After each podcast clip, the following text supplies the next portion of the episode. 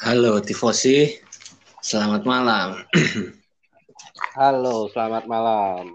Oke, ya kembali bersama gua Hanif. Gue ditemanin sama temen gua Galang. Kasih halo dulu bro. Halo semua penggemar seri A tahun 90-an. Mantap. Oke oke. Oke, jadi kita bakal bahas apa nih Lang? Maksud, ada yang seru apa kira-kira nih di pekan ke 10 kemarin? Kalau gue lihat kayaknya nggak ada nggak ada kejutan-kejutan yang bagus sih ya. Maksudnya masih berjalan dengan seperti biasanya ya. Iya, minggu kemarin gua lihat juga eh, semua tim gede menang ya kayaknya ya. Kecuali Iya. Roma ketahan Sassuolo Oh 0-0. iya, iya benar-benar. Juve juga ya Juve untung-untungan aja sih kemarin. Bonucci dia bisa cetak gol di menit-menit akhir. Iyalah, itu kalau Juve gak menang lagi itu Pirlo aduh, nggak tahu lagi deh gue. Dalam Suruh out aja. paling. Oke lah, jadi hari ini gue mau ngebahas soal ibaratnya kayak eh, sekarang nih eh, bingung gitu loh pencinta Serie A ini eh, siapa sih masih menerka-nerka semua gitu. Siapa sih juaranya? Siapa sih yang bakal juara di paruh musim seenggaknya gitu loh. Karena Milan sendiri Iya, betul, betul. belum ya gue sendiri sebagai penggemar Milan belum yakin gitu loh akan kekonsistensian Milan saat ini gitu loh. Menurut lo Ah, Eh, ah, ah. gimana nih buat perebutan juara di Serie A di pekan ke-10 dulu deh Eh, sejauh pekan ke-10 menurut lu ada ada keistimewaan apa sih di musim ini gitu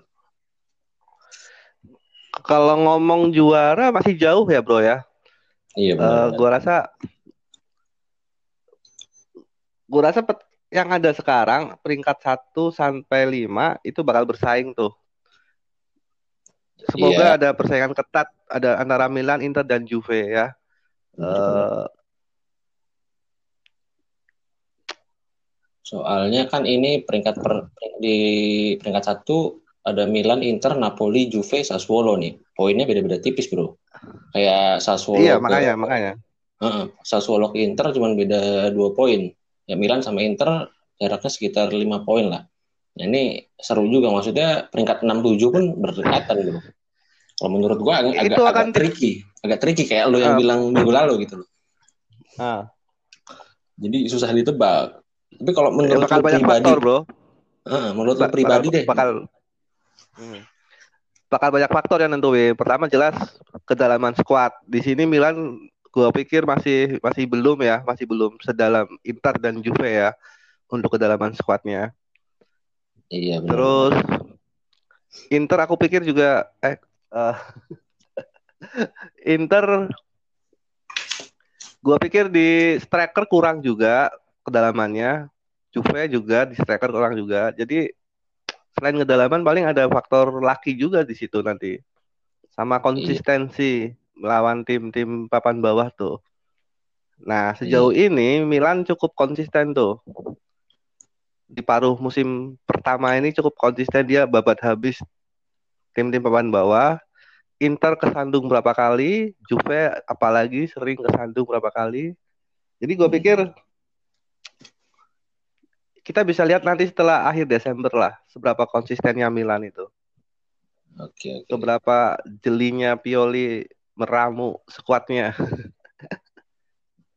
Benar-benar. Soalnya emang yang tadi lo bilang kedalaman squad memang mempengaruhi banget gitu. Sekarang di Milan kerasa empat pemain cedera. Ya, ibaratnya kayak kemarin, Ah. uh, mainnya mainnya juga semalam walaupun menang ya. Ibaratnya ya nggak nggak begitu begitu bagus bagus amat. Ya laki juga lah. Ibaratnya agak beruntung sedikit semalam itu dengan squad Kita yang ambil- seadanya. Ah, kita ambil contoh Mhm. di Inggris kayak Liverpool. Liverpool juga baru kerasa nih kalau kedalaman skuadnya kurang gitu. Jadi dia mereka agak limbung juga kan di liga gitu. Iya benar benar benar benar. Makanya Justru mm, Ju, di nah ini Juve Juve menarik kita bahas satu persatu pertandingan dulu Juve lawan Torino kemarin menurut lo apa sih kekurangan dari Pirlo nih kayaknya sampai di menit ke Juve ini baru cetak gol di menit ke 77 bro. Jadi kayak Iya, iya. di agak agak kesulitan. Padahal di situ ada Ronaldo juga gitu loh. Ronaldo yang ibaratnya bingung gitu loh semalam itu. Menurut lo Ya, derby kemarin gimana? Harus kita akui ya Ronaldo underperform di minggu kemarin di derby. Jadi Juve-nya juga kayak kebingungan. Terus kesalahan Juve terutama itu dia tidak memiliki striker predator pelapis Morata ya. Jadi eh Morata absen Akumulasi. praktis Iya kan expulso kemarin minggu kemarin gara-gara ngata-ngatain wasit tuh. Oh, iya iya. Jadi, jadi kalau Lanjut. Morata Morata absen praktis cuma Ronaldo nih. Ronaldo pun kan bukan striker murni ya. Dia suka Iya, jemput bola, dia suka menyisir dari sayap. Jadi gua pikir Januari nanti Juve harus beli satu striker lagi wajib. Rumornya sih Giroud ya, tapi nggak tahu nanti kita lihat nanti lah. Giroud. Iya cocok tuh kayak yang Mungkin kalau ada satu striker lagi, Milan bahaya. benar benar. Takutnya kalau Juve beli satu striker lagi, Milan dalam bahaya. Iya iya karena Iya iya. Oke, berarti Juve ini semalam memang emang Torino-nya juga dia berhasil mencuri gol di menit ke-9 ya. Wah, Gol cepat lah ibaratnya. Torino-nya rapat rapat rapat banget itu. Nah, itu kadang Pakir bus. banget tapi untung Semua lawan semua lawan Juve pasti praktir bos. iya parah. Simone Zaza ya sampai bertahan banget parah itu semalam. Aduh, ya Allah. Dan baru cetak gol di menit ke-77 dan di di Pak Bonucci akhirnya menjadi penentu kemenangan buat Juve di menit ke-89 ya. Iya. Untung banget Itu pun bukan dari bukan dari skema yang indah ya. Set piece ya. Itu Set dari piece ya. pro- enggak bukan ya dari set piece dari corner, terus prosesnya juga hampir sama ya. Oh ya, ya, Jadi ya. PR besar buat Pirlo. PR besar buat Pirlo untuk nanti nextnya melawan tim-tim yang parkir bus lagi. Dia harus punya cara lain Tuh. gitu. Nah, Ada satu kartu merah semalam itu si Pinsoglio itu dia selebrasi. Selebrasi. Iya, dia ngomong gini. Anda mau menganulir gol ini lagi? Gitu. Wasitnya mungkin lagi haid ya. Jadi langsung di expulso. Kasihan main aja enggak kartu merah anjing. Goblok. Oke, lanjut ke pertandingan perlawan Bologna. Inter Bologna pun ya Inter bisa melewati dengan mudah lah hadangan dari Bologna. Iya, iya. Ashraf Hakimi Gua bagus. jujur jujur aja nggak nggak nonton ya pertandingan itu. Hmm. Gue cuma lihat di live score. Ya nggak apa-apa, gue juga cuma lihat di highlight extended doang. Tapi eh, kalau gue lihat nih Inter nih memang ya di musim ini ya, di musim ini dia agak agak sulit dibaca juga, apalagi nanti di hari Rabu ya hari Rabu dia bakal duel hidup mati lawan Shakhtar Donetsk di Champions League Betul, betul. penentuan. betul, Tapi betul, betul. untungnya dia bisa menang di pekan ke-10 ini lawan Bologna. Dan Ya, buat buat suntikan moral lah ya. ya betul.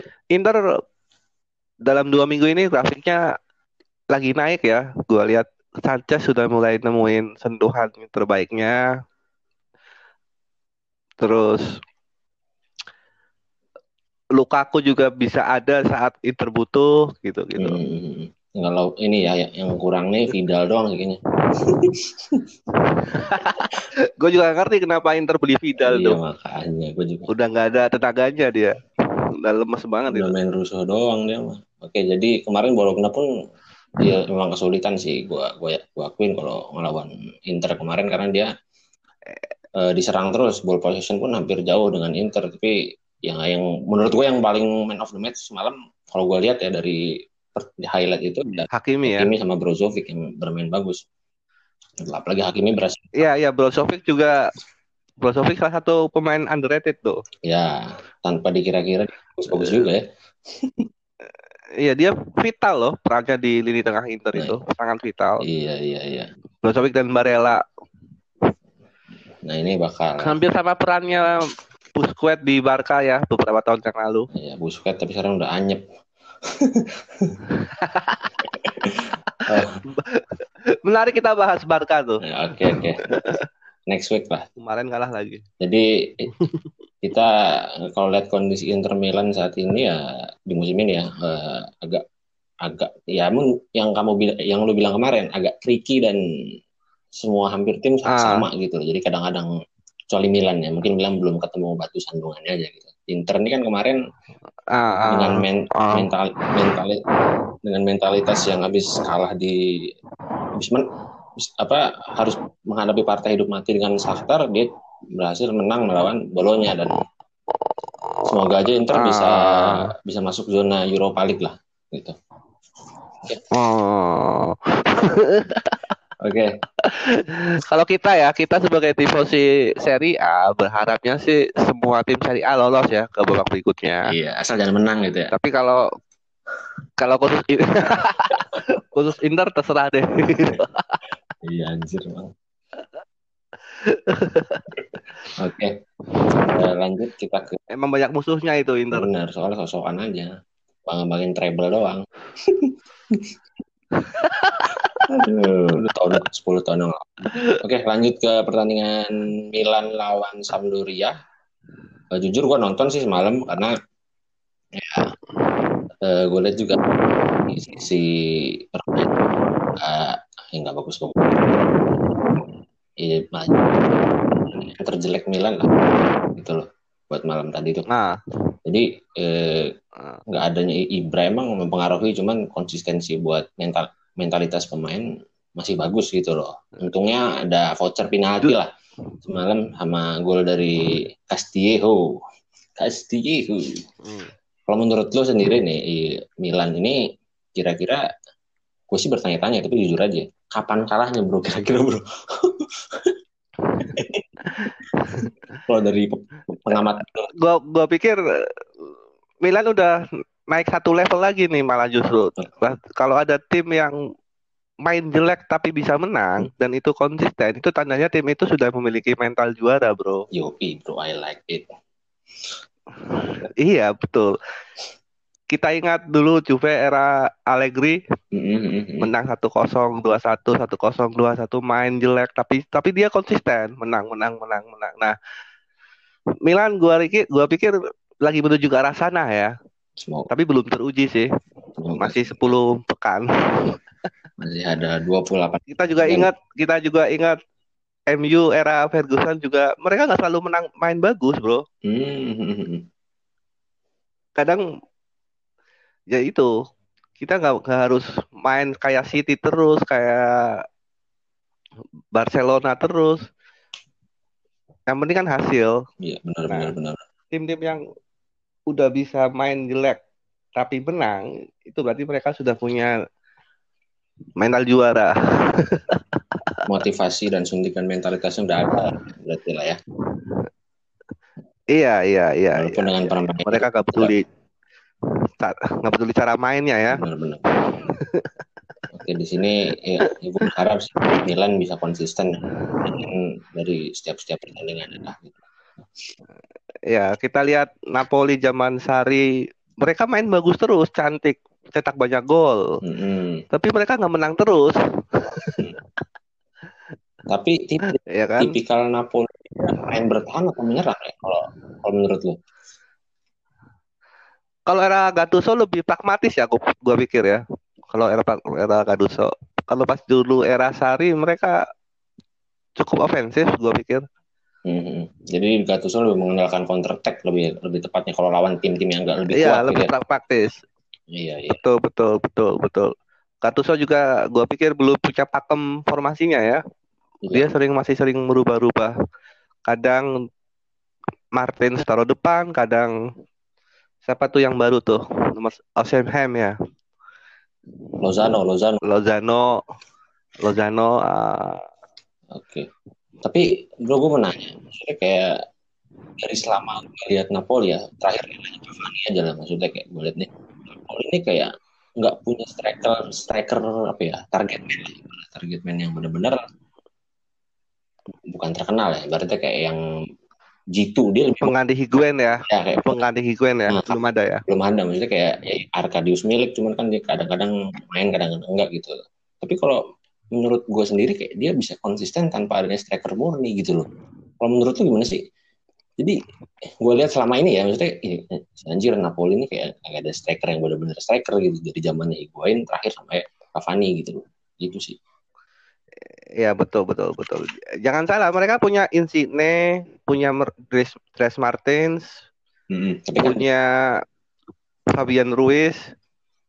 Iya sih. Jadi malah back-back lawan bingung tuh, bingung. Oh. Emang mereka saat ini cuma satu strikernya tuh yang mereka baru beli dari Lille ya. Si nomor 9 dia. tuh? Nah, nomor 9 yang harganya cukup mahal juga gitu loh. Tapi belum ada kontribusinya nah, sih tapi, itu. Ah, belum teruji. Mungkin salah satu pembelian gagal kali.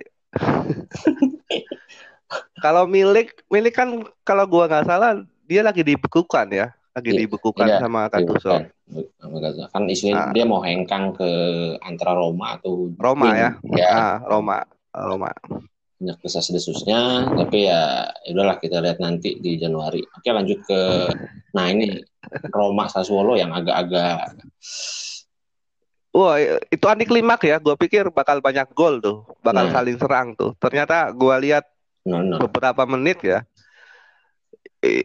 itu anti klimak. Jadi mereka main aman aja. Temponya lambat, temponya lambat, shoot on goal juga sama-sama dikit gitu loh. Hmm. Itulah seri A. makanya banyak dijudge-judge sama pandit-pandit lu Indonesia ya. Kayak, ngantuk, ya, bikin ngantuk iya. Betul, layak betul. ditonton gitu. Tapi pertandingan kemarin betul. menghadirkan gol yang dianulir. Dua gol dari mereka ini dianulir semua kayak golnya Zeko sama golnya pemain Sassuolo gitu. Zeko sempat nyetak gol ah, ah. Melakukan pelanggaran jadi dianulir oleh wasit. Kalau Sassuolo di offside. Tapi bagus sih gue lihat di hmm. golnya bagus tapi ya offside gitu loh. Tapi kalau menurut dah satu lagi Pedro juga kartu merah di menit ke-70-an gitu menjadi nilai plus buat Sassuolo dia bisa menahan imbang tim sekelas Roma gitu mungkin dia masih bisa bertahan di atas gitu sih kalau menurut gue ya kalau menurut gue ya, ya, ya. Sassuolo deh sejauh ini Sassuolo uh, eh, gue harus akui jadi salah satu tim Serie A yang enak ditonton ya selain Atlanta mm -hmm. dan Napoli ya jadi mereka berani memainkan gaya sepak bola yang beda gitu dibandingkan dengan tim-tim sekelasnya kayak sebut saja Sampdoria, Noah gitu. Sassuolo berani main satu dua, uh, counter attack-nya juga sangat mematikan. Jadi gue pikir kredit lah ya buat Sassuolo dia cukup konsisten ada lima musim di Serie A dia mereka bertahan di 10 besar ya, gua rasa. Ada ada betul ada. Jadi ada. Uh, jadi tahun bisa jadi musim ini mereka masuk ke Europa League ya. Klimaks kita patut ya. nantikan. Nah, kita kita kita kita harus nantikan. Semoga Serie A bisa bounce back seperti era 90-an lah. Okay. Ya, ya, ya. Jujur gua masih menunggu Parma dan Fiorentina nih. Yang belum belum bangkit-bangkit dari tidurnya. Oh, iya, tidurnya iya, iya. kelamaan. Nanti kita bakal bahas par edisi Parma, Fiorentina dan lain edisi berikutnya paling ya. Karena ada okay. sejarah, ada sejarah yang tidak bisa kita lupakan juga dari tim-tim iya Fiorentina. Betul, betul, betul, betul, betul, Harus kita akui juga. Dan kemarin juga ada sempat dua pertandingan ditunda mungkin karena ya karena salju kali ya. Kalau gua lihat baca berita ya, cuaca, cuaca. Cuaca Fiorentina lawan Genoa, Udinese lawan Atalanta nih. Atalanta masih Atalanta, di ya Mm-hmm. peringkat 9 dia kurang main kurang satu lah ibaratnya gitu dan posisi klasmen pun tidak jauh berubah ibaratnya berubah kayak, ya poin-poin hampir ya Milan aja cukup jauh nih dari dari kejaran Inter dan Napoli dan Juve gitu tapi kalau misalkan dari, ibaratnya dia bakal main aman lah maksudnya musim apa nanti hari Jumat pun dia bakal lawan eh, Sparta Praha lah itu udah tanpa iya, Pak. nah, aduh, lolos. formalitas itu formalitas iya, doang gitu. kalau gue rasa sih ya harus mainin malah biar nggak terlalu kalah main buat ngadepin di pekan ke-11 nanti ya gue pikir nanti penentuannya akan ada di bursa transfer musim dingin ya apakah Milan jeli untuk melihat pemain yang dibutuhkan mm-hmm. atau justru mereka sudah puas nih dengan sukat yang sekarang hati-hati mm. Inter dan Juve pasti akan bergerak nih di musim dingin nanti nih di bursa musim dingin. Iya iya iya. Ya semoga ya, bisa lah nanti bisa Milan bisa bertahan, Juve bisa ngejar. Jadi ibaratnya kayak zaman 2003 2004, Bro. Milan Wah, iya tuh, iya tuh. Ya, yang bakal mendominasi di Serie A. Semoga seperti dulu lagi lah. Kita harapkan Serie A ini kembali bisa menarik lagi. Walaupun walaupun malaikat sudah tahu ya juaranya. Justru malaikat bingung. iya. Tapi kalau malaikat sudah tahu gua, juaranya. Menurut gue ya kayaknya si Juventus ini kayak punya misi tersendiri di Champions League gitu. Dia uh, tidak terlalu benar kata lu bilang kemarin, tidak terlalu rela untuk kehilangan Scudetto. Tapi dia harus dapat UCL gitu loh. Karena ya Juve udah rindu akan UCL gitu. Dari terakhir tahun 96 96 benar 96 97 ya lawan Ajax. Uh, itu yeah. udah berapa tahun yang lalu udah 23 tahun yang lalu lah. Jadi kalau gue rasa nih Juve ada sedikit mission yang memang benar-benar dia bakal fokus di UCL sih kalau menurut gue pribadi. Kalau menurut lo sebagai fans Juve nih gimana nih? Ya, ya buat... jelas, jelas, jelas nggak munafik ya. Uh, semua Juventus ini mau Juventus ini lama, Juventus ini baru, hmm. itu pasti menginginkan UCL ya. Hmm.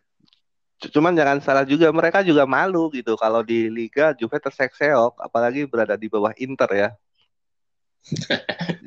malu. Jadi iya, agak iya. agak agak dilema nih buat Pirlo gitu loh.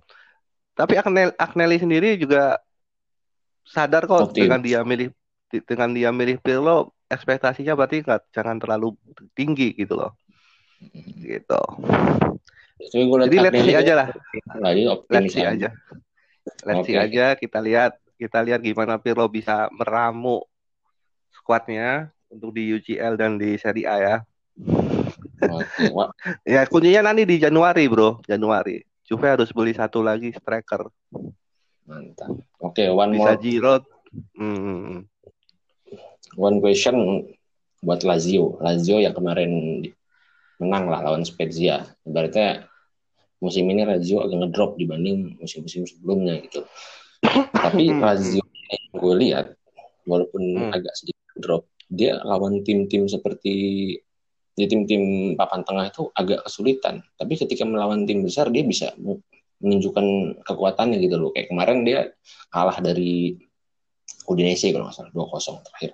Nah, kalau lo lihat sendiri buat perjalanan Lazio di musim ini gimana bisa apakah dia bisa kembali ke track seperti musim sebelumnya ataukah malah dia ya di papan tengah aja di zona Europa League aja gitu loh. Dan dia juga jangan lupa dia bermain di UCL gitu loh. Musim ini dia bermain di UCL kayaknya fokus di fokus UCL sih mungkin gitu. Kalau menurut lu gimana? ya balik tadi balik lagi bro. Uh, hmm? Gak cuma Lazio ya, gue pikir uh, kelemahan tim Serie A secara keseluruhan adalah kedalaman squad ya. Iya. Lazio banyak main antah berantah yang kita nggak tahu namanya tuh. Nah, jadi harus kita kasih kredit juga buat Inzaghi ya. Uh, dia bisa menjadikan pemain antah berantah menjadi sesuatu gitu loh. Jadi gue pikir Lazio masih butuh waktu untuk konsisten ya. Terus hmm. ininya uh, jangan sampai mereka kehilangan pemain-pemain kuncinya lah kayak Safik, Immobile, Korea gitu-gitu loh. Oh, itu Korea Jadi nggak cuma Lazio sih, gue pikir. Gue pikir bukan cuma Lazio, semua hampir semua tim Serie A punya masalah di kedalaman squad ya. Beda dengan iya. tim-tim yeah. tim IPL ya. ya sebenarnya sih kalau kita bandingin Serie A dan Premier League ya untuk saat ini agak agak agak kurang pas ya gitu. Uh, iya betul, nggak apple to apple ya. Iya benar benar benar. Tapi kalau melihat dari sisi sejarah dan sisi apa ya kematangan seri A nih kalau menurut gue ya sah-sah aja sih nggak masalah karena seri A punya, punya taring juga gitu di Eropa gitu. Iya betul betul dan pecinta seri A sadar gitu kalau liganya sekarang tuh lagi dalam proses berkembang lagi, lagi dalam proses menuju kejayaan lagi gitu. Jadi emang harus sabar, harus sabar. Iya, iya, iya, iya. Oke. Eh, ya semoga kita berharap semua kejayaan seri A bakal seri A bakal kembali dan Inter, Milan, Juve bakal bisa meramaikan Eropa lagi seperti ya seperti Ya, 2010 2002 sampai itu kan Ya, tiga 2000, semifinal 2003. kan semifinalis Juve, Inter dan Milan tuh. Iya iya iya iya. yang Mil- ini ya Mil- 2003 ya.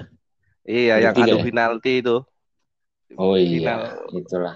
Milan versus Juve itu. Itu pertama itu pertama kali aku jatuh cinta sama bola itu situ. Ampret. Eh bro, kalau kalau ada yang mau ngasih saran, suruh aja komen di IG bro. Apa IG-nya? IG kita ini. Eh IG-nya after 90 podcast ketik aja di Instagram. Bisa. Ya, kalau mau komen-komen ya, kasih saran ya. Mm-mm. Mm-mm, mungkin bahas-bahas apa gitu ya. Apa yang mau kita Kita bahas nih? Ya betul betul betul betul betul. Karena gue yakin pencinta seri A juga masih banyak lah di di Indonesia ini nggak sedikit. Wow gitu. banyak banyak. Buat bapak-bapak, om-om ya. Neng-neng milenial. gitu. Eh, ibu-ibu muda. Penggemar Del Piero, penggemar Shevchenko. tapi tapi gini bro, sekarang gue heran. Sekarang nih Hmm. ibaratnya cewek zaman sekarang ya. Sekarang di tahun ini atau di tahun sebelumnya juga udah ada. Cewek ini sekarang agak agak suka apa ya suka kesukaannya terhadap sepak bola nih cukup meningkat. Meningkat Iya. ya, betul betul betul. Gue lihat juga banyak komen di fanpage fanpage Juve, fanpage apa MU mungkin gitu-gitu loh. Mm-mm. Ya, Jadi mungkin udah- malah justru cowok cowok-cowoknya menurun anjir. Jadi lebih universal sekarang. Cewek Iya. pengetahuannya juga hebat-hebat loh. Makanya itu. Iya iya. Oke lah bro, mungkin kita itu aja yang hari ini kita bahas. Oke Selanjutnya oke kita bro. bakal jika ada waktu kita bakal bahas UCL jika ada waktu dan minggu depan kita bahas klub-klub yang kuda hitam di Serie A dan yang pernah berjaya di tahun 90-an. Oke, gitu Siap aja. siap siap. Thank you, bro. Thank you thank you. Ya bro, sama-sama bro, sama-sama. Oke, salam tifosi, bro. Salam tifosi.